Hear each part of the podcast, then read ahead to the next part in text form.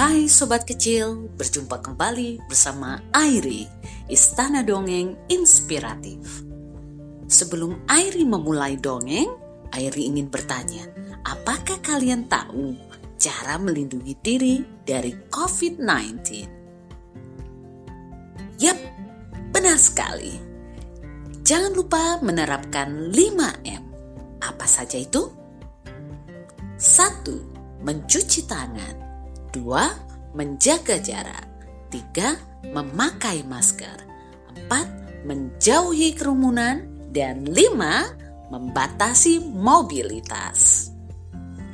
Nah, Airi berharap kita semua sehat dan terlindungi dari bahaya virus COVID-19.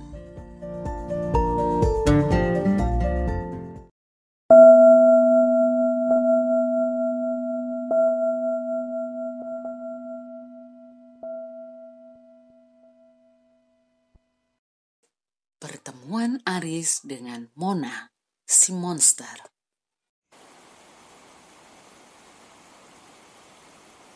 Gemericik hujan terdengar pelan.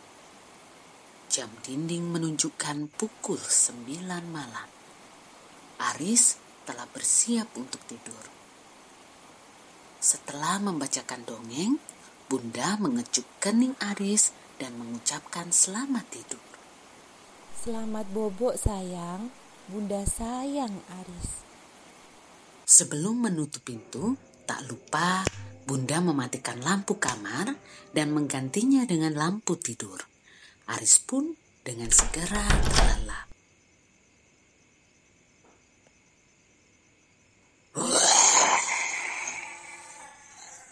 Aris tiba-tiba terbangun oleh suara aneh yang didengarnya. Cepat, dia bangkit dan keluar dari kamar. Betapa kagetnya Aris ketika dia keluar dari kamar, bukan ruang keluarga yang dia temui, melainkan sebuah taman dengan berbagai tanaman. Taman itu tampak terterawat, rumput tinggi di antara tanaman bunga Daun-daun kering berserakan di bawah pohon. Beberapa ranting tanaman pun mulai mengering. Aris berjalan memutari taman. Dia melihat ke arah kanan dan kiri kebingungan. Riz! Tiba-tiba sebuah suara yang tidak asing terdengar memanggil dirinya. Aris menoleh ke arah suara itu. Aim! Ucap Aris tak percaya. Aim yang muncul dari balik pohon berjalan mendekati Aris yang kebingungan. Di belakangnya terlihat Lulu dan Bimo yang juga berjalan ke arahnya.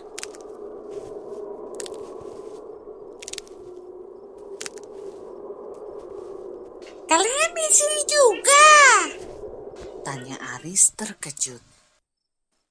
Mereka pun bercerita bagaimana bisa sampai di taman itu. Mereka mengalami hal yang sama seperti yang Aris alami. Terbangun karena suara aneh. Aris mengajak teman-temannya untuk kembali ke kamar. Pintu kamar kita terkunci, Riz. Kita nggak bisa masuk. Kata Lulu ketakutan. Percaya, Aris pun kembali dan berusaha membuka pintu kamarnya. Ternyata apa yang dikatakan Lulu benar. Pintu itu terkunci. Kita harus bagaimana, Riz? Kata Aim hampir menangis. Bimo, Lulu, dan Aim memandang Aris dengan penuh harap. Mereka mengenal Aris sebagai anak yang banyak ide. Aris nampak serius berpikir. Hmm, kali ini Aris punya ide apa ya? Kita cari jalan lain yuk. Kata Aris dengan yakin. Bimo, Lulu, dan Aim mengangguk setuju. Mereka berempat berjalan menyusuri jalan yang ada di depan taman.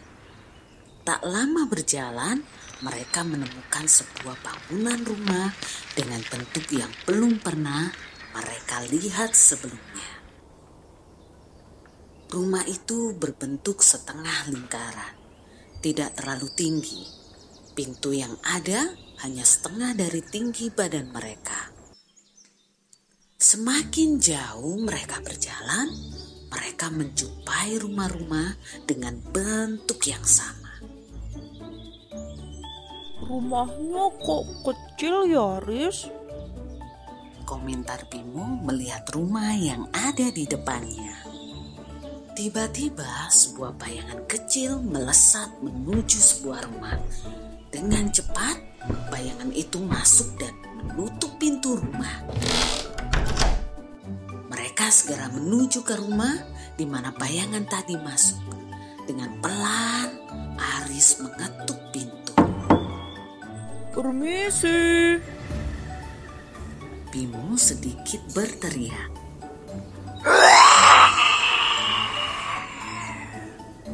Tiba-tiba suara aneh yang menakutkan itu terdengar lagi, membuat empat sekawan ketakutan. Aim dan Lulu mulai menangis. Bimo berdiri merapat di dekat Aris. Aris pun tampak ketakutan. Isak tangis Lulu dan Aim semakin keras.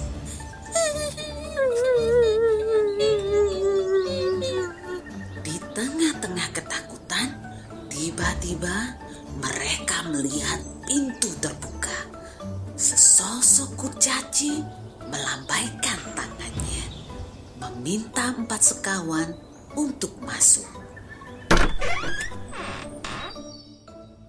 Bergegas mereka pun masuk. Mereka harus menundukkan badan agar dapat melewati pintu. Kurcaci itu dengan cepat menutup pintu dan menguncinya. Dia pun nampak ketakutan. Duduklah anak-anak. Kurcaci itu menyuruh mereka duduk. Aris, Bimo, Lulu, dan Aim saling berpandangan mendengar kurcaci itu berbicara. Jangan takut. Kurcaci itu kemudian mengenalkan diri. Kiku namanya. Dia bercerita kepada empat sekawan apa yang sedang terjadi di desa Koci, desa para kurcaci. Para kurcaci di desa Koci sudah hampir seminggu tidak berani keluar. Sebuah suara yang menakutkan sering terdengar dan membuat mereka takut.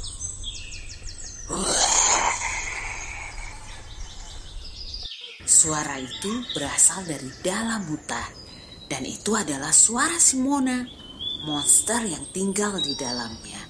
Mona tidak pernah mengganggu para kurcaci sebelumnya. Namun, seminggu belakangan, Mona sering mengeluarkan suara menyeramkan. Para kurcaci takut. Mona marah dan akan menyerang mereka. Hmm, apa yang sebenarnya terjadi dengan Mona? Kenapa dia sering mengeluarkan suara yang membuat takut para kurcaci ya?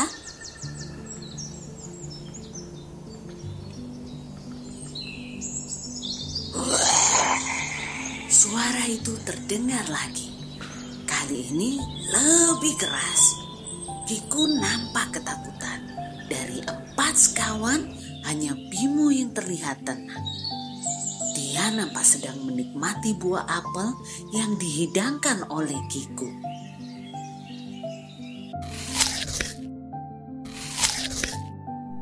Hmm, kenapa si Mona marah ya? Ucap Bimo sambil mengunyah apelnya. Pertanyaan Bimo membuat Aris berpikir dan berimajinasi. Kira-kira apakah yang membuat Simona marah ya?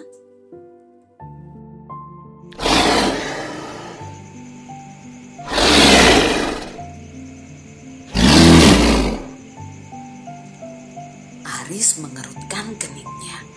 Ketika suara Simona terdengar lagi, kali ini dia memperhatikan dengan seksama suara Simona. Wajah Aris terlihat semakin penasaran.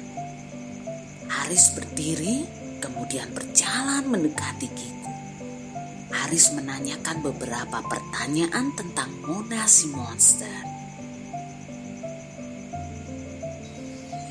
Dari cerita Kiku, Aris menjadi tahu bahwa Mona bukanlah monster yang jahat. Dia sama sekali tidak pernah mengganggu para kurcaci. Bahkan Mona pernah membantu memindahkan pohon roboh yang menghalangi jalan agar para kurcaci dapat melintas. Hari itu empat sekawan menghabiskan waktu di rumah Kiku dan sepakat keesokan harinya mereka akan pergi ke hutan tempat Mona tinggal. Setelah menghabiskan sarapan, mereka pamit kepada Kiku. Tak lupa mereka mengucapkan terima kasih atas bantuan Kiku. Hati-hati. Pesan Kiku saat mereka berangkat menuju hutan.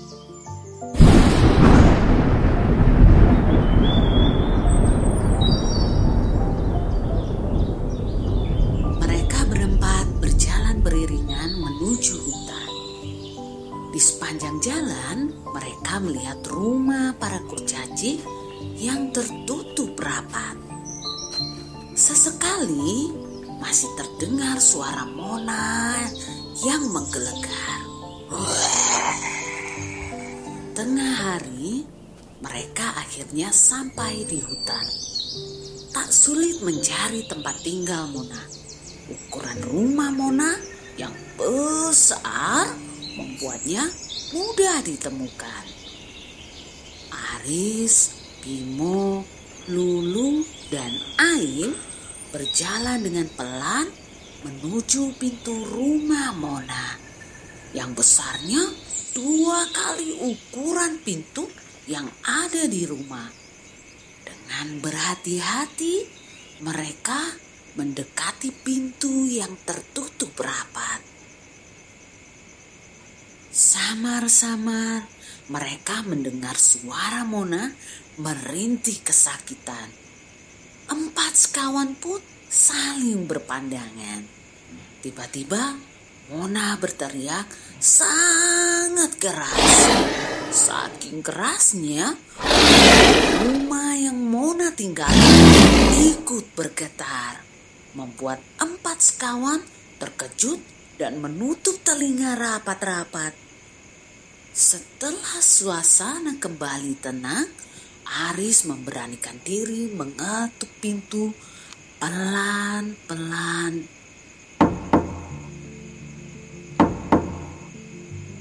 Siapa? Tanya Mona dengan suara menggelegar. Ah, aku Aris. Jawab Aris dengan gugup. Terdengar langkah berat menuju pintu. Tak berapa lama, Mona si monster muncul dari balik pintu yang terbuka. Ternyata Mona tak seseram yang mereka kira. Mona bertubuh tinggi besar dengan rambut panjang. Dia memakai baju dari kulit kayu dan dedaunan.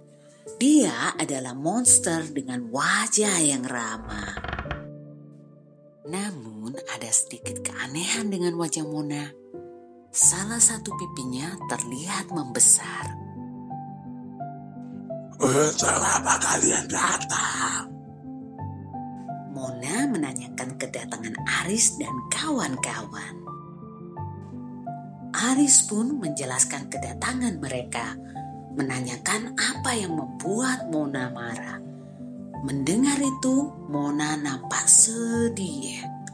Mona berkata bahwa dia tidak sedang marah, dia sedang kesakitan. Mona menunjuk pipinya yang bengkak. Bimo dengan sigap meminta izin untuk memeriksa Mona. Dia meminta Mona membuka mulutnya. Bimo terlihat serius memeriksa. Mona, gigimu berlubang. Kata Bimo. Bimo menjelaskan kepada Mona mengapa Mona kesakitan. Itu semua karena gigi Mona kotor dan berlubang. Kuman yang sedang berpesta di dalam gigi itulah yang membuat Mona merasa sakit. Bimo dibantu Aris kemudian membersihkan gigi Mona yang berlubang. Lulu dan Aim merebus air yang dicampur daun sirih. Kata Bimo, air rebusan daun sirih bisa mengurangi sakit pada gigi. Setelah selesai membersihkan, Bimo meminta Mona untuk berkumur dengan air yang sedang disiapkan Lulu dan Ai.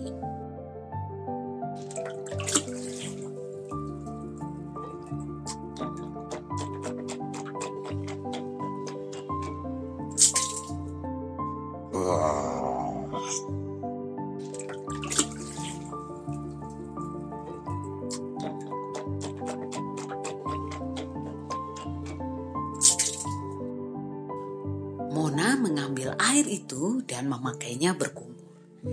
Dia mengulanginya beberapa kali. Setelah selesai berkumur, wajah Mona nampak senang. Mona mengucapkan terima kasih kepada Aris dan kawan-kawan. Terima kasih sudah menolongku. Bimo mengingatkan Mona agar rajin membersihkan giginya. Sehari dua kali setelah makan pagi dan sebelum tidur, agar tidak ada sisa makanan yang tertinggal. Sisa makanan yang tertinggal akan mengundang kuman untuk datang dan akan merusak gigi. Aris dan kawan-kawan pun berpamitan. Mereka berkata, harus segera mencari jalan pulang. Menceritakan kepada Mona bagaimana bisa sampai di sana. Dan sekarang mereka sedang berusaha mencari jalan untuk bisa pulang. Mona yang mendengar cerita empat sekawan meminta maaf. Mereka ada di sana karena Mona. Mona memakai kekuatan kunci ajaib untuk meminta pertolongan. Sekawanlah yang mendengarkan permintaannya. Mona lalu menyerahkan kunci kepada masing-masing anak. Kunci merah untuk Bimo, hijau untuk Aris, kuning untuk Aim, dan biru untuk Lulu. Mona mengatakan dengan kunci itu mereka bisa datang kapan saja ke dunia Mona dan para kurcaci. Dia berpesan untuk menjaga baik-baik kunci itu. Aris dan teman-teman mengucapkan terima kasih. Mereka senang akhirnya bisa kembali.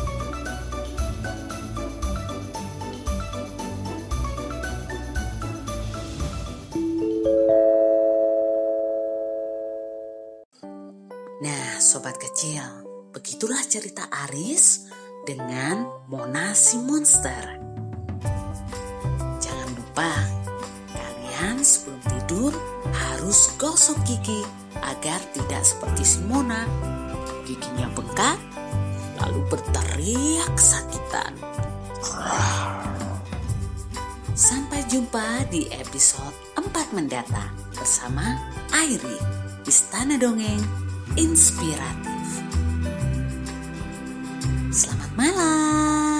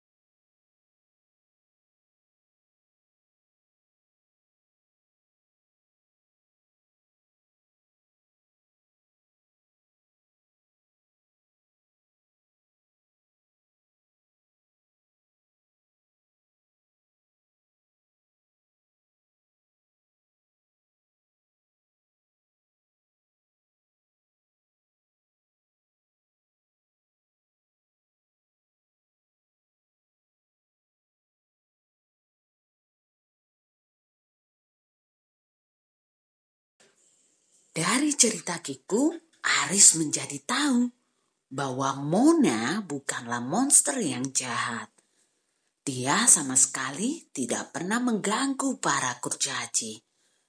Bahkan Mona pernah membantu memindahkan pohon roboh yang menghalangi jalan agar para kurcaci dapat melintas.